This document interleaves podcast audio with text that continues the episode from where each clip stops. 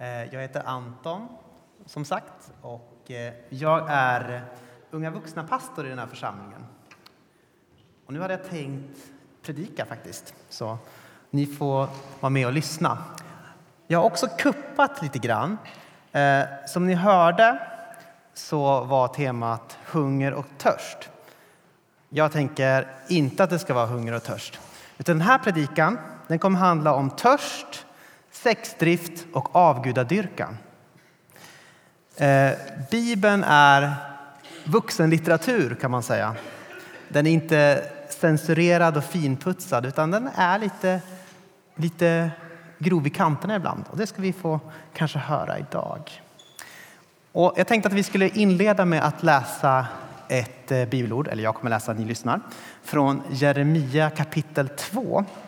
Och det är ganska långt, 1-13, 23-37. Så nu får ni vara uppmärksamma och, och spetsa öronen och vara beredd på att det tar kanske mer än 30 sekunder. Herrens ord kom till mig.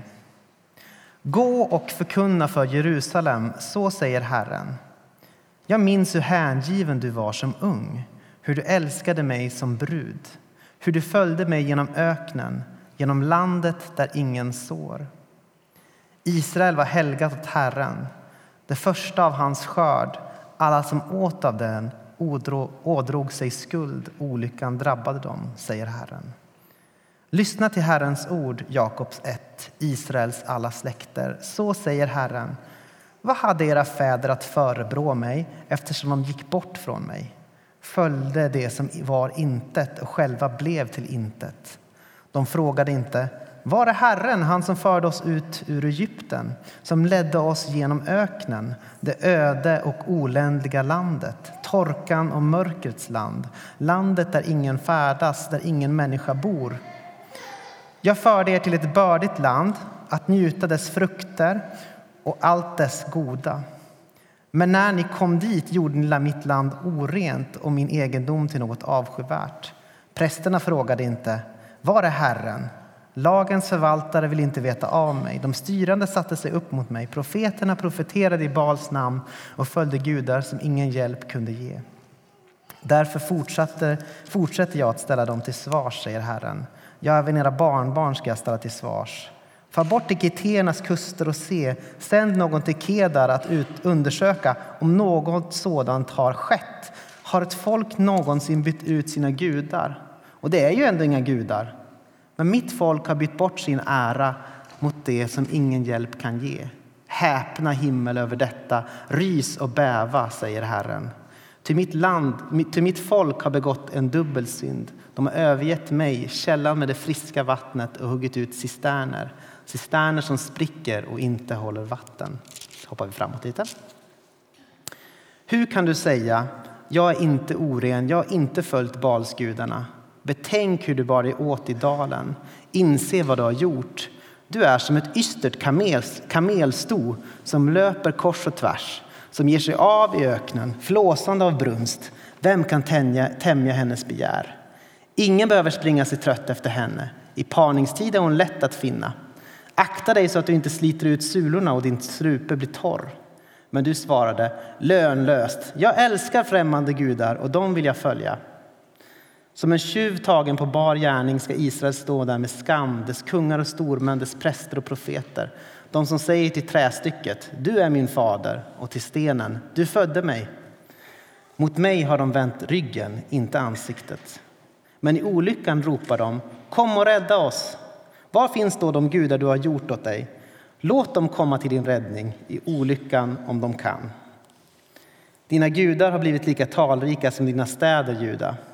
Varför går ni inte till rätta med mig? Ni har ju alla satt er upp mot mig, säger Herren. Förgäves har jag slagit era söner. De har inte tagit varning. Som rovlystna lejon dräpte era svärd profeterna. Har jag blivit till en öken för Israel, till ett mörkrets land? Varför säger mitt folk, vi går vart vi vill, vi kommer aldrig tillbaka till dig? Inte glömmer en ung kvinna sina smycken och en brud sin gördel, men mitt folk har glömt mig i alla tider. Du är skicklig att hitta vägen när du är ute efter kärlek. Till och med slinkorna har lärt av dig. Din mantelfåll är fläckad av blod från de fattiga som var utan skuld. De ertappades inte vid inbrott. Ändå säger du, jag är frikänd, hans vrede mot mig har upphört. Men jag ska säga dig till svars för att du påstår dig vara utan synd. Tror du att du så lätt kan välja en annan väg? Även Egypten kommer att svika dig, som Assyrien svek dig en gång.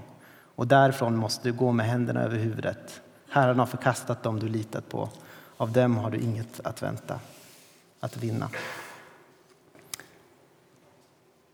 Så, nu drar vi igång.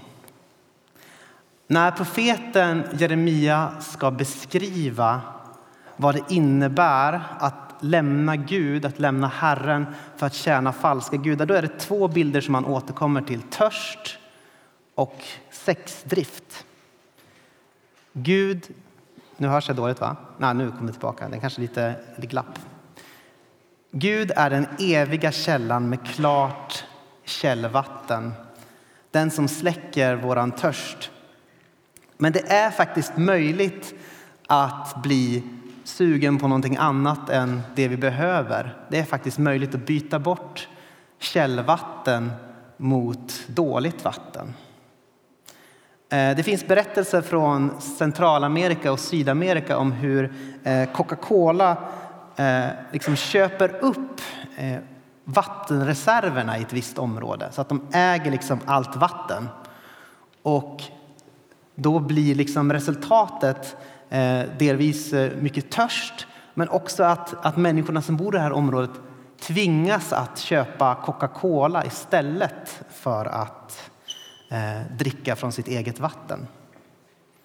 Och på ett liknande sätt verkar Jeremia mena att amen, de här eh, folket de har bytt ut det här eh, klara vattnet mot usla drycker som liksom inte är särskilt bra att dricka i längden.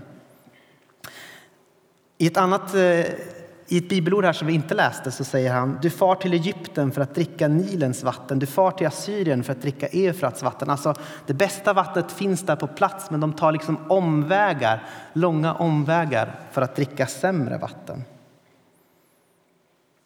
Och kanske kan man säga att det beror just på folkets ledare. De har bara salufört Coca-Cola när det finns bra vatten alldeles i närheten. Lagens förvaltare vill inte veta av mig. De styrande satte sig upp mot mig och profeter, profeterna profet, profeterade i Bals namn och följde gudar som ingen hjälp kunde ge. Det är som när Coca-Cola köper upp vattenreserven och sen bara liksom säljer det till, till människor i Sydamerika. Ett dåligt substitut för vatten och det är det som liksom folket här har börjat dricka för det är det som ledarna säljer. Så den första bilden det är eh, törst. Och den andra bilden är ju då eh, sexdrift, begär. Gud framställer sitt folk som en vacker brudgum. Gud har befriat Israel från att vara slavar i Egypten. Och så sen så beskrivs det som att han tar dem ut på nästan som en sorts smekmånad i öknen. Och folket de har ju liksom lärt känna vem Gud är. De har förälskat sig i Gud, de begär Gud, de längtar efter Gud. Så de följer Gud glädjefullt som en, som en brud gör när de följer med på en smekmånad kan man tänka. De, följ, de går liksom ut i det här i öknen, i landet där ingen sår. Men så är det inte längre, utan Profeten säger, genom, eller profeten säger då att det finns en annan bild. Det är inte så det är längre, utan det som har hänt det är att folket har blivit som ett ystert kamelsto som löper kors och tvärs genom öknen för att tillfredsställa sin lust. Och då undrar du självklart, hur ser en kåt kamel ut? Eh, det ska jag visa er nu. Eh,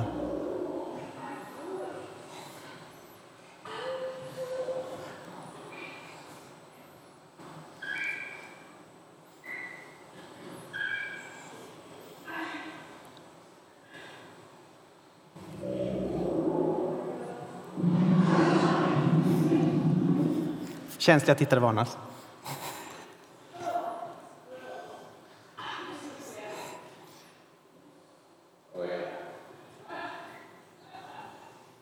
Så där ser de ut. Så man skulle kunna tänka sig att det är en lite förolämpande bild nästan. Ehm, det här är i och för sig inget sto, det här var en, eh, en kamelhane. Ehm, men de har ju då liksom en, en, en, ehm, en dolasäck här uppe i slemhinnan Eh, som de blåser upp för att attrahera sina kvinnor. Och det är nog någonting som bara en kamel kan finna attraktivt. Eh, men i alla fall, det är så de gör.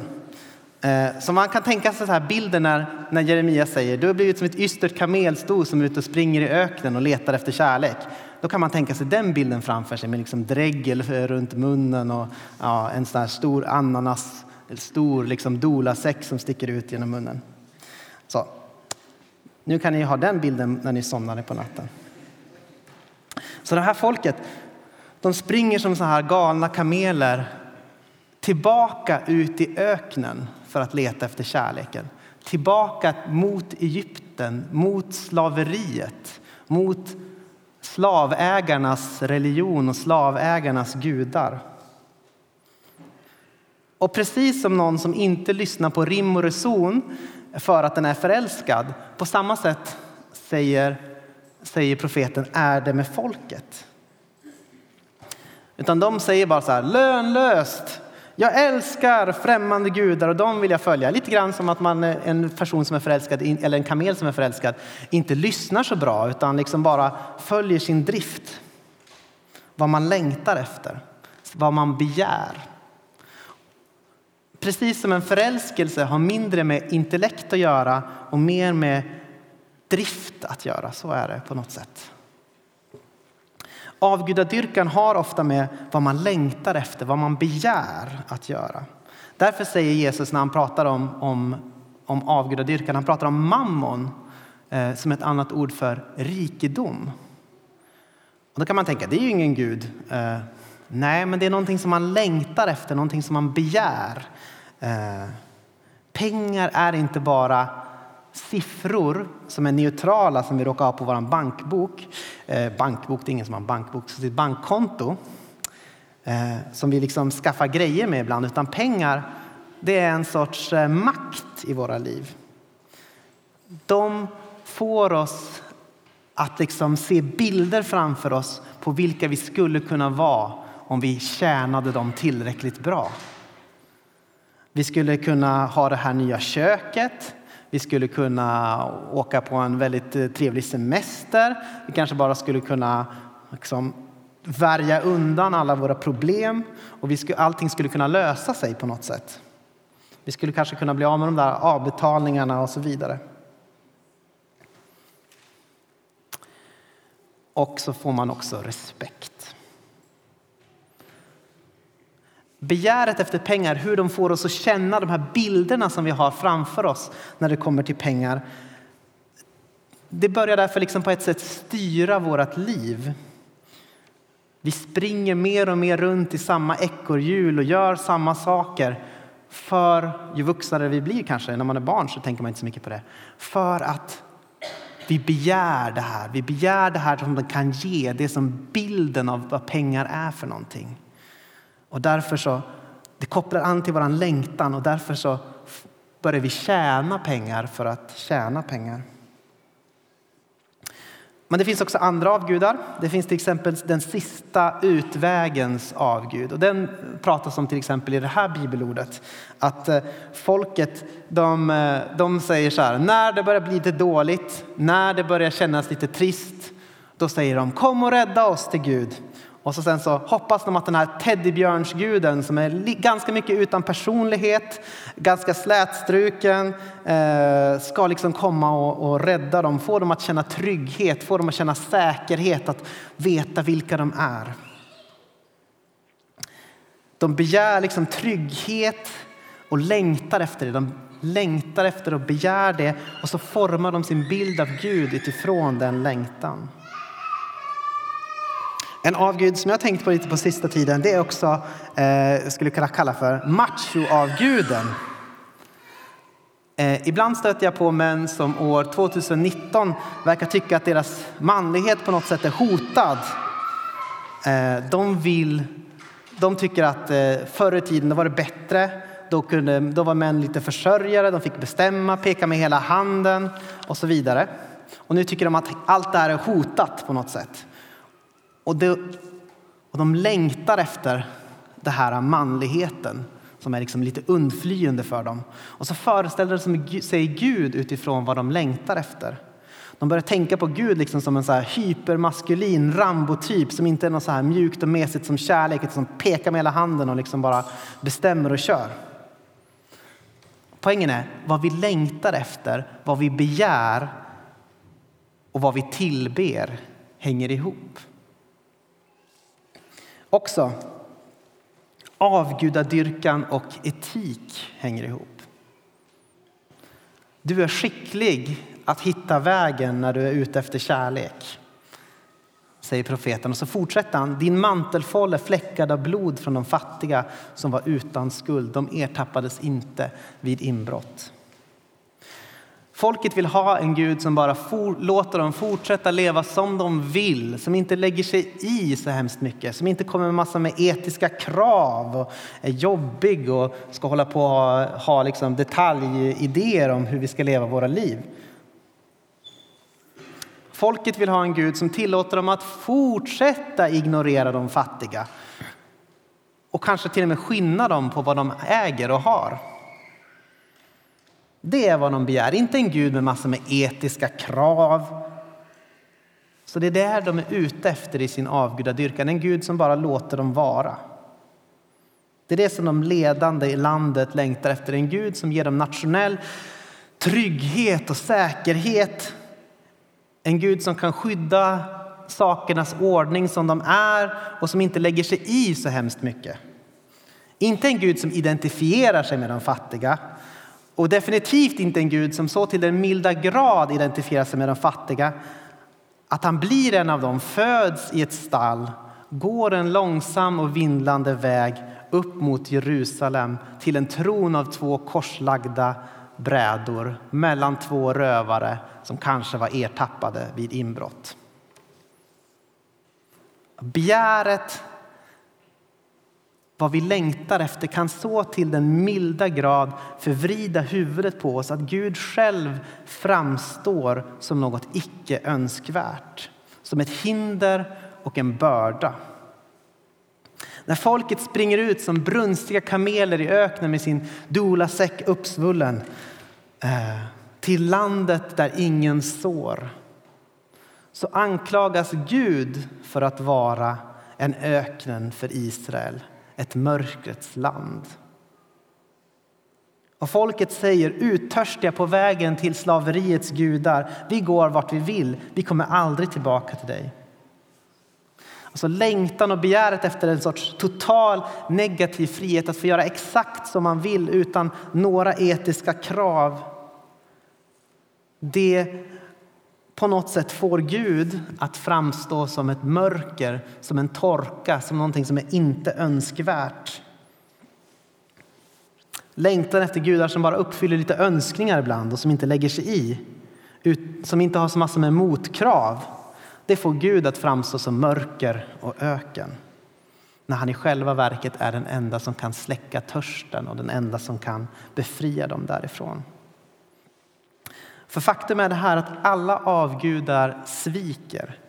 De är ingenting. De kan inte rädda. De släcker inte törsten. De stillar inte begäret. Gud säger till den brunstiga kamelen som springer ut i öknen. Akta dig så att du inte sliter ut sulorna och din strupe blir torr. Alltså, det här kommer inte sluta bra. Det är jag som kan ge vatten, det är jag som kan se till så att du inte får en torr strupe. Men de springer därifrån. Och Gud han, säger, han beklagar dem för att de har övergett mig, källan med det friska vattnet och huggit ut cisterner, cisterner som spricker och inte håller vatten. Kort sagt, de har övergett den som kan stilla törsten för sånt som inte kan göra det. Låtsasgudar som inte håller vad de lovar. Nationer faller, ekonomier kraschar. Säkerhet och självtillräcklighet de är här idag, men försvinner imorgon. Alla blir gamla, många blir dementa. Det vi litar på håller inte. om vi nu har satt vår egen självtillräcklighet som en Gud. Men vår Gud består för evigt, källan med det friska vattnet. Så nu har jag pratat väldigt länge och du tänker så här, men var kommer de goda nyheterna någonstans då? Du har inte kommit hit på söndag för att bli alldeles nedslagen och höra på massor med tråkiga saker, utan du vill höra på någonting som är lite positivt också. Eh, eller hur? Eh, jag fick inga svar. Okej, okay. de goda nyheterna, de är det här. Att vi styrs utifrån vad vi begär, vad vi längtar efter. Men de goda nyheterna är att Gud begär oss. Gud längtar efter oss. Gud vill ha med oss att göra. Gud har bevisat sin kärlek till oss genom att Kristus dog för oss medan vi ännu var syndare. Gud vill ha oss tillsammans som sitt folk till sin brud. Och Det är därför Gud också blir så nedslagen när vi istället väljer att dricka från usla källor och när vi som inte liksom kan mätta eller stilla våran törst och när vi söker efter kärlek hos döda ting som inte kan ge oss kärlek. Gud vill inte vara en Gud vill inte vara en sån som sviker. Gud vill inte vara en älskare som rider in på en ståtlig springare och sen så lämnar oss i sticket. Gud vill gifta sig med oss. Gud vill fila bröllopsmåltid med oss. Han vill vara med oss för alltid. Han vill vara med oss för alltid. Gud är beredd att gå tillsammans genom, med oss genom öken och ödemark, genom torkans land, genom landet där ingen sår. Gud har visat sin kärlek till oss. Till så älskade Gud världen att han gav den sin enda son för att de som tror på honom inte ska gå under utan ha evigt liv. Ja, Gud slår följe med oss ända upp på korset genom de svåraste omständigheterna bara för att han vill vara med oss. Så här står det i Uppenbarelseboken 21, 1-6. Och jag såg en ny himmel och en ny jord. Till den första himlen och den första jorden var borta och havet fanns inte mer. Och jag såg den heliga staden, den nya Jerusalem, komma ner ur himlen från Gud, redo som en brud som är smyckad för sin man. Och från tronen hörde jag en stark röst som sa Se, Guds tält står bland människor, människorna och han ska bo bland dem och de ska vara hans folk och Gud själv ska vara hos dem och han ska tolka alla tårar från deras ögon. Döden ska inte finnas mer och ingen sorg och ingen klagan ska finnas mer. Till det som en gång var är borta och han som satt på tronen sa, se, jag gör allting nytt. Och han sa, skriv, till dessa ord är trovärdiga sanna. Och han sa till mig, det har skett.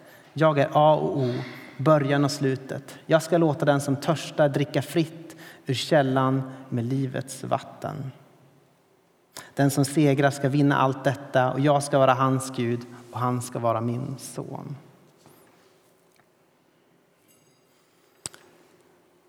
Gud